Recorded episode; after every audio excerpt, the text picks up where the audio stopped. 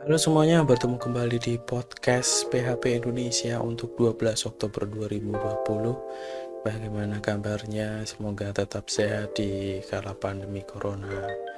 Kali ini kita tetap akan membahas berita-berita seputar PHP, kemudian tutorial-tutorial menarik tentang PHP dan tentunya library atau kelas-kelas pilihan yang patut dicoba saat develop nanti. Berita pertama datang dari WordPress bahwa komunitas WordPress pada bulan September 2020 kemarin uh, cukup sibuk di antaranya adalah melakukan rilis versi 5.5.1 pada tanggal 1 September 2020 yang lalu. Kemudian juga merilis uh, versi terbaru dari Gutenberg yaitu 9.1, 9.0 dan 8.9. Bagi yang belum tahu Gutenberg itu apa, Gutenberg adalah sebuah fitur baru dari WordPress 5 yang ditujukan untuk menggantikan model penginputan teks uh, what you see is what you get ya, yang banyak sekali pertentangan saat implementasinya. Kemudian uh, di September 2020, WordPress juga merilis uh, 2021 sebagai salah satu template default di WordPress 5.6 nanti sudah mulai dirilis. Silahkan dicek di blog mereka di wordpress.org. Kemudian uh, pada minggu-minggu awal bulan Oktober 2020 PHP merilis uh, kandidat pertama dari PHP titik 8.0 ya dirilis pada tanggal 1 Oktober 2020 kemarin. Ada banyak fitur dan kemudian juga apa deprecation dan fitur-fitur baru di PHP 8 jadi pastikan silahkan dicoba-coba dulu dan jangan digunakan dulu di production ya. Yang jelas uh, PHP 8 nanti akan lebih cepat dan lebih kaya dari PHP 7 yang sekarang kita gunakan. Berita selanjutnya datang dari komunitas uh, Symfony di mana Symfony 5.2 itu dirilis meskipun masih beta 1 ya dirilis pada tanggal 5 Oktober 2020 kemarin oleh Om Fabian Potensier di mana uh, beberapa fitur uh, penting yang dimasukkan ini adalah penggunaan constraint sebagai atribut di modul validator kemudian ada expired cookies yang merepresentasikan konsistensi dan test unit di modul HTTP Foundation kemudian uh, fitur memilih uh, .jpg dibanding .jpeg di modul MIM dan banyak fitur lainnya. Silahkan dibaca nanti ada link di description box di bawah.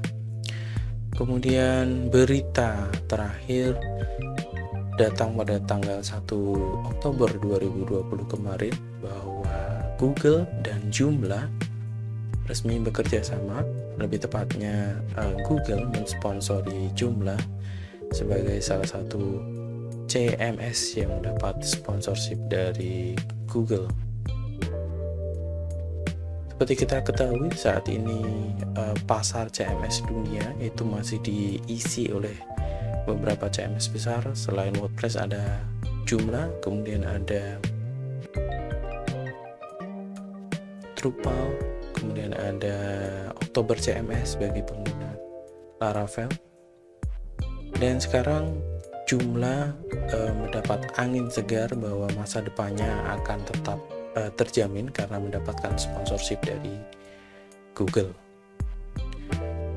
Oke, selanjutnya kita akan membahas tutorial-tutorial yang mungkin bisa sejenak dibaca dan di hayati dan mungkin langsung diimplementasikan ya. Tutorial pertama dari Manila Bulletin tentang Security WordPress 101 di mana uh, seperti kita ketahui uh, WordPress sebagai salah satu CMS terpopuler di dunia sangat rentan dihack ya kalau kita tidak memperkuat security-nya. Di sini akan saya bagikan beberapa trik ya. Yang pertama, disable file editing. Disable file editing. Ya, disable file editing dengan cara menambahkan ini disallow file edit. Kemudian uh, disable uh, directory listing di Apache.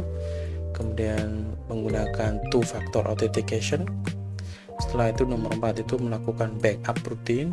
Setelah itu nomor 5 menginstal uh, plugin security ya. Misalkan ada WordFence kemudian ada Sukuri dan lain-lain.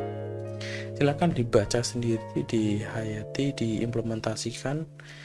Uh, linknya ada di description box ya. Ada dari Manila Bulletin mb.com.ph kemudian uh, tutorial selanjutnya tentang PHP 8 di mana pada PHP 8 nanti uh, ada fitur match match yang sedikit berbeda dengan fitur-fitur di PHP PHP sebelumnya.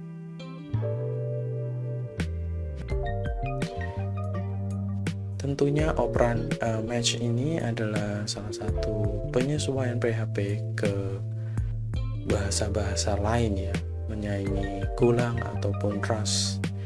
Dan sekarang uh, PHP 8 mungkin akan merangsek ke pasar tersebut. Jadi silakan dibaca tutorial dari platform.sh tulisan Larry Garfield. Tanggal 24 September 2020 di link ada di description box. Kemudian uh, tutorial selanjutnya datang dari Michael A yang merupakan uh, eh, CTO dari dev.to tentang bagaimana cara uh, menggunakan Xdebug di Docker menggunakan NetBean ya jadi kita tidak perlu lagi susah-susah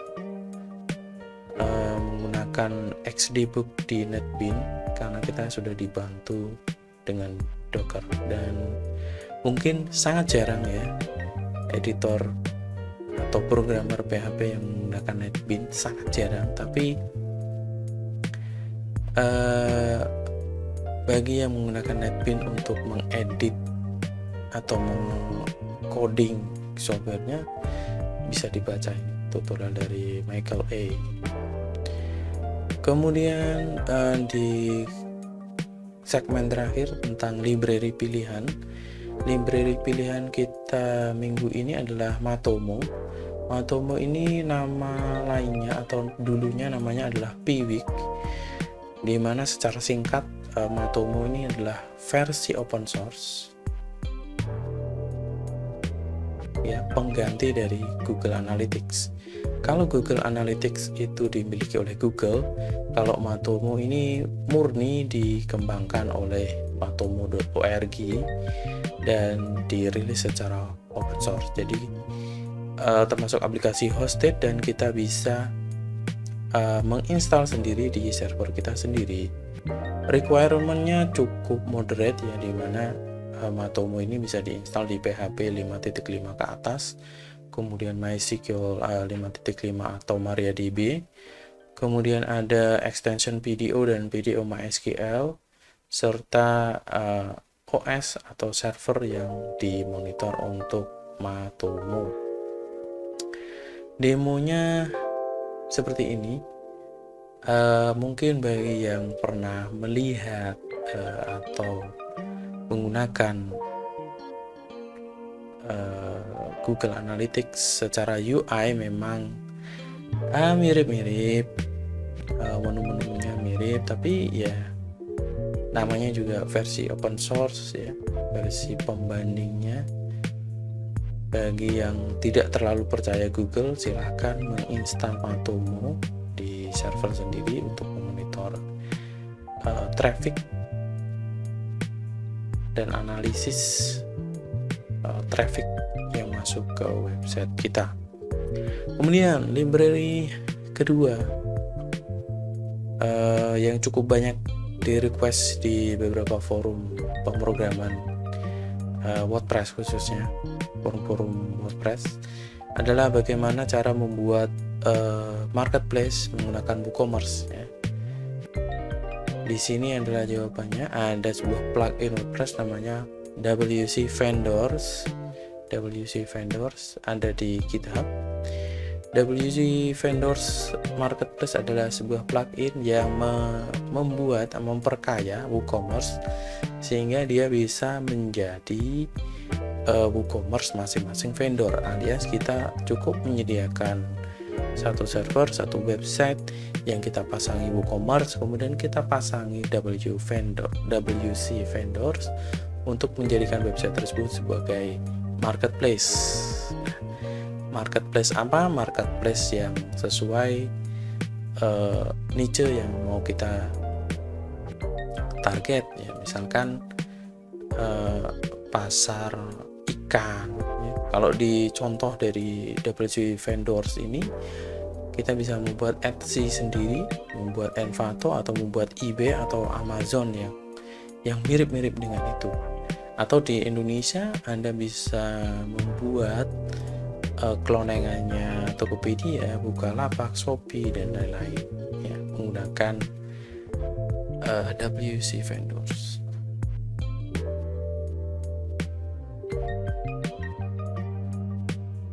Ini demonya. Sekarang sudah lebih dari 10.000 marketplace, sudah 600.000 di download dan tiketnya sudah 25.000 artinya sudah sangat responsif sekali.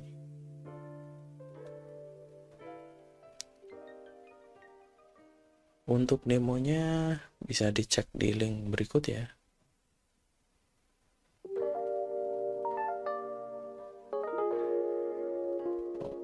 Daftar dulu ya.